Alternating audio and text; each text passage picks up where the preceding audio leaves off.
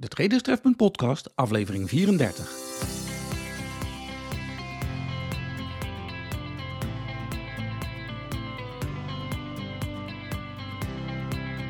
Je luistert naar de Traders Trefpunt podcast. De podcast voor traders en actieve beleggers. Hier is uw host Marcel van Vliet.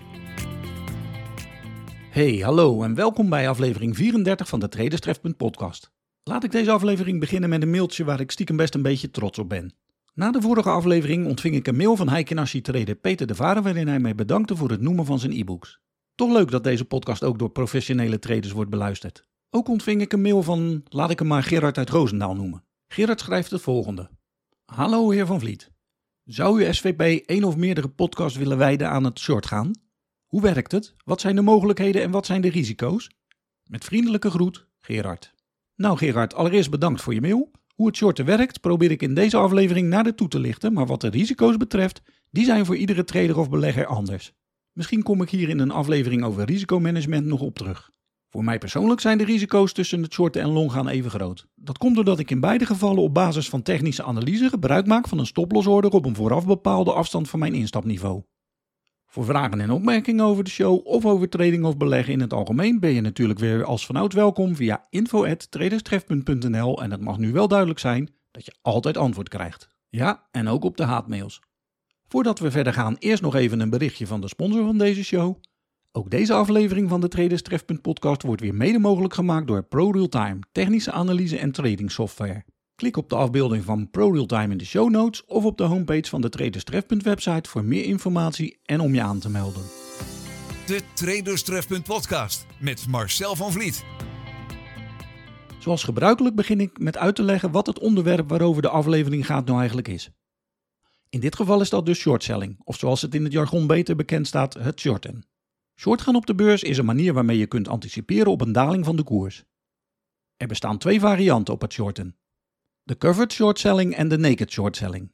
Bij de covered short selling heeft de verkoper op het moment van de verkoop het juridisch eigendom van de desbetreffende instrument in bezit en bij naked short selling heeft de shortseller op het moment van de verkoop geen regeling getroffen die ervoor zorgt dat de verkochte aandelen tijdig geleverd kunnen worden. Nu is dit in het geval van ons retail traders niet zo heel erg, want ten eerste speculeren de meeste van ons door middel van hefboomproducten als CFD's en turbo's op de waarde zonder de aandelen ooit in handen gehad te hebben. En ten tweede zijn de aantallen waarmee er wordt geshort in verhouding tot de marktkapitalisatie van een onderneming zo laag dat er echt niemand wakker van zal liggen. Wanneer uit je analyse van een markt of een ander instrument blijkt dat de waarschijnlijkheid groot is dat een koers gaat dalen, dan plaats je bij het shorten alvast een verkooporder. In het door fundamentele analisten gekoesterde formele taalgebruik neem je een bearish of negatieve handelspositie in op een activa.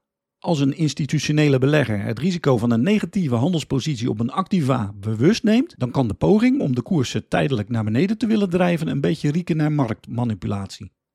Ik gebruik altijd graag voorbeelden, dus laten we uitgaan dat uit je analyse is gebleken dat de koers van het aandeel van bedrijf X waarschijnlijk zal gaan dalen. Hoe je de analyse hebt gemaakt en of die wel van jezelf is of niet, dat maakt voor dit voorbeeld niet uit. Je denkt in ieder geval dat de koers gaat dalen en je stapt in met een verkooporder op 100 euro. Om het risico binnen de perken te houden heb je bepaald dat je stoplossorder op 105 euro komt te liggen. Dit is dus op de grafiek boven de verkooporder. Uitgaande van een risico-rendementverhouding of risk-to-reward ratio van 1 staat tot 2, wordt het koersdoel op minimaal 90 euro bepaald. Je kunt hiervoor natuurlijk een kooporder plaatsen, maar als de koers dan verder zakt, dan is het wel zonder jou. Beter is om een mentaal koersdoel te stellen om te zien of er voldoende potentieel in een trade zit. Door het gebruik van een trailingstoporder kan er na iedere nieuwe candle die is gedaald een stukje minder verlies worden ingesloten. En als de trailingstoporder onder de initiële verkooporder komt, dan kun je met deze trade al geen verlies meer maken. We hebben geluk. De verkooporder wordt gevuld en de koers zakt om wat voor reden dan ook als een plumpudding in elkaar en daalt maar liefst tot 45 euro. Je had intussen je stoplosorder al getrild naar het niveau van 50 euro en dat is maar goed ook, want in het laatste handelsuur van de dag stijgt de koers terug naar dit niveau. Misschien is dit het gevolg dat er koopjesjagers in de markt komen die een kans ruiken. We weten het niet en voor dit voorbeeld is het ook niet belangrijk. Feit is dat je getrilde stoplosorder op 50 euro is gevuld en je dus een winst van 50 euro per aandeel kunt bijschrijven. Tel uit je winst. Je zal maar 100 van die aandelen hebben geshort. Een van de meest voorkomende vragen die beginnende traders hebben over shortselling is: hoe kan je nou iets verkopen dat je niet in bezit hebt? Ook dit verdient enige toelichting. Om te shorten begint een trader met het lenen van aandelen of een ander instrument dat hij niet bezit. Ik spreek steeds over hij, omdat het begrip trader mannelijk is, maar natuurlijk bedoel ik hier ook de andere genders mee. Dit tussen aanhalingstekens lenen gebeurt in de regel van de rekening van de broker waarbij de trader een account heeft. Het doel van het shorten is om de aandelen later tegen een lagere prijs opnieuw te kopen en tegelijkertijd de geleende aandelen terug te geven.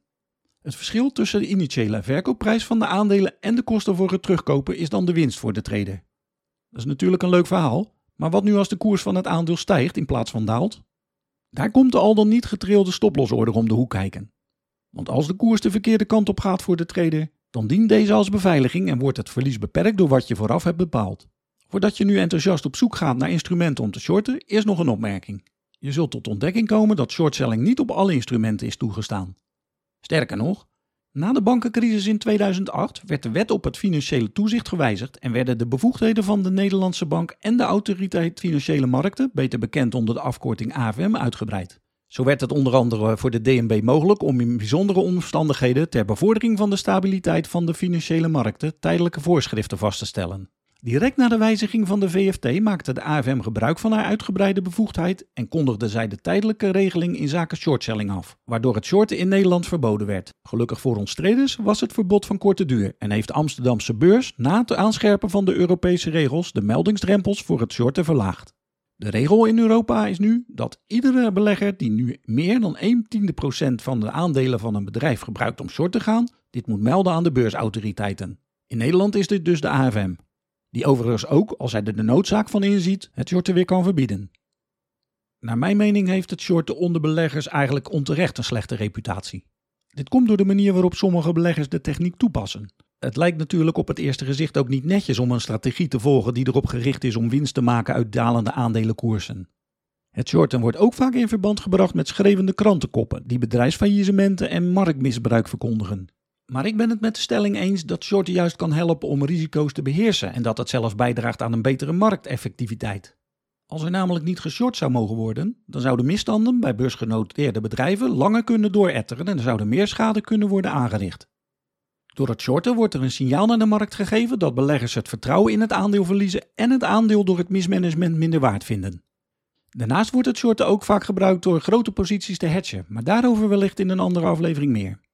Je kunt stellen dat het shorten in het geval van slecht nieuws van een bedrijf een tucht- en liquiditeitsfunctie heeft. Zonder de shortsellers zou een koersval veel drastischer zijn, omdat de koers al was opgelopen voordat het slechte nieuws naar buiten kwam, en daarna was de koers nog dieper gezakt omdat er dan geen kopers voor het aandeel meer waren. Shortselling heeft meer bekendheid gekregen door de film The Big Short uit 2015 alweer. Echt een aanrader als je hem nog niet hebt gezien. The Big Short is een biografische film over drie onafhankelijke waargebeurde verhaallijnen. In de film voorspelt hedgefund-manager Michael Burry de kredietcrisis van 2007-2008. Hij verdient met zijn fonds 2,69 miljard dollar door te shorten nadat hij heeft ontdekt dat de rommelhypotheken, die door hypotheekverstrekkers werden aangeboden, de schulden nooit zouden kunnen dekken. Een aanpak die ik retail traders overigens nooit zou aanraden. Simpelweg omdat we veel te weinig informatie en achtergrondkennis hebben. Michael Burry is niet de enige bekende shortseller. Andere bekende shortsellers zijn Steve Eisman, John Paulson, Fahmi Kadir, David Einhorn en natuurlijk George Soros, die in 2007 door te shorten de Britse pond en de Bank of England in de problemen bracht en een ruime miljard mee verdiende. De Traderstrefpunt podcast met Marcel van Vliet. In deze aflevering heb ik het shorten of shortselling toegelicht. Als je echt de diepte in wilt, dan raad ik je aan om de afstudeeropdracht van Tom Benen uit 2013 te lezen. In de paper vraagt Benen zich af of shortselling in Europa efficiënt gereguleerd is. Ik weet het niet helemaal zeker, maar volgens mij is Tom Benen na zijn studie aan de Universiteit van Tilburg in de crypto- en blockchain-wereld terechtgekomen. Ik heb een linkje naar de paper voor je in de show notes van deze aflevering geplaatst. Wanneer je overweegt om je met shortselling bezig te gaan houden, overtuig je jezelf dan eerst dat je het risicomanagement of op zijn minst het gebruik van een stoplosorde of trailingstop goed onder de knie hebt. Dat scheelt je gegarandeerd veel geld en op zijn minst frustratie. Je start ook niet in de Vuelta na de eerste dag dat je hebt leren fietsen om er even een actualiteit mee te pikken. Voor vragen en opmerkingen kun je weer terecht op info.traderstref.nl en je weet het, antwoord gegarandeerd.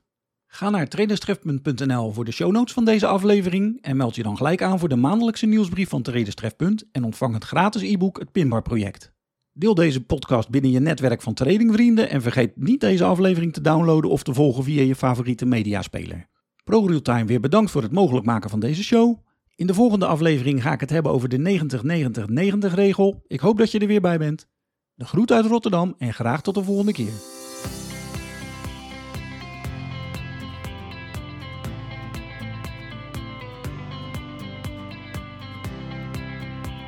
Je luisterde naar de Traders podcast.